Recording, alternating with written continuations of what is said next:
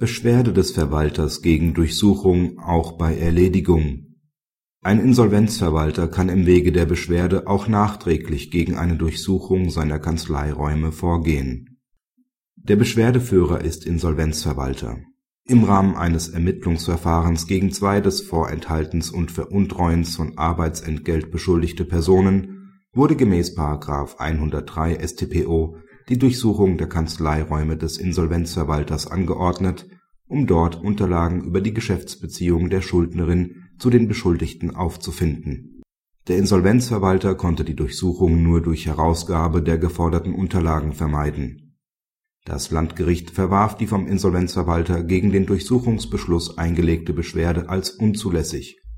Daraufhin erhob der Beschwerdeführer Verfassungsbeschwerde die Entscheidung des Landgerichts verstößt gegen das Grundrecht auf effektiven Rechtsschutz gegen Akte der öffentlichen Gewalt (Artikel 19 Absatz 4 Grundgesetz).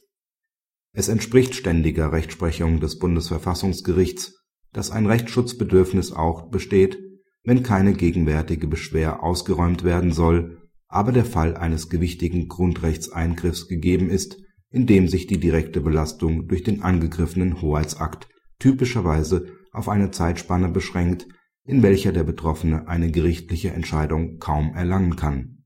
Ein solcher tiefgreifender Grundrechtseingriff liegt hinsichtlich Artikel 13 Absatz 1 Grundgesetz bei einer Durchsuchung auch von Geschäftsräumen vor. Hier hatten die Ermittlungsbehörden bereits unmittelbar zur Durchsuchung angesetzt, wodurch sich die im Durchsuchungsbeschluss angelegte Bedrohung der Unverletzlichkeit der Wohnung in einem Maße realisiert hat dass von einem tiefgreifenden Grundrechtseingriff auszugehen ist. Nichts anderes ergibt sich daraus, dass der Insolvenzverwalter im Ergebnis die Durchsuchung durch Herausgabe der gesuchten Unterlagen abgewendet hat. Die entsprechende Einwilligung hat der Verwalter nicht frei von Zwang abgegeben. Hätte er sich nicht zur Herausgabe entschieden, wäre die Durchsuchung in jedem Fall durchgeführt worden. Das Landgericht hat daher erneut über die Beschwerde des Insolvenzverwalters zu entscheiden Praxishinweis Es ist zu begrüßen, dass das Bundesverfassungsgericht dem Insolvenzverwalter ein entsprechendes Rechtsschutzbedürfnis zugesprochen hat.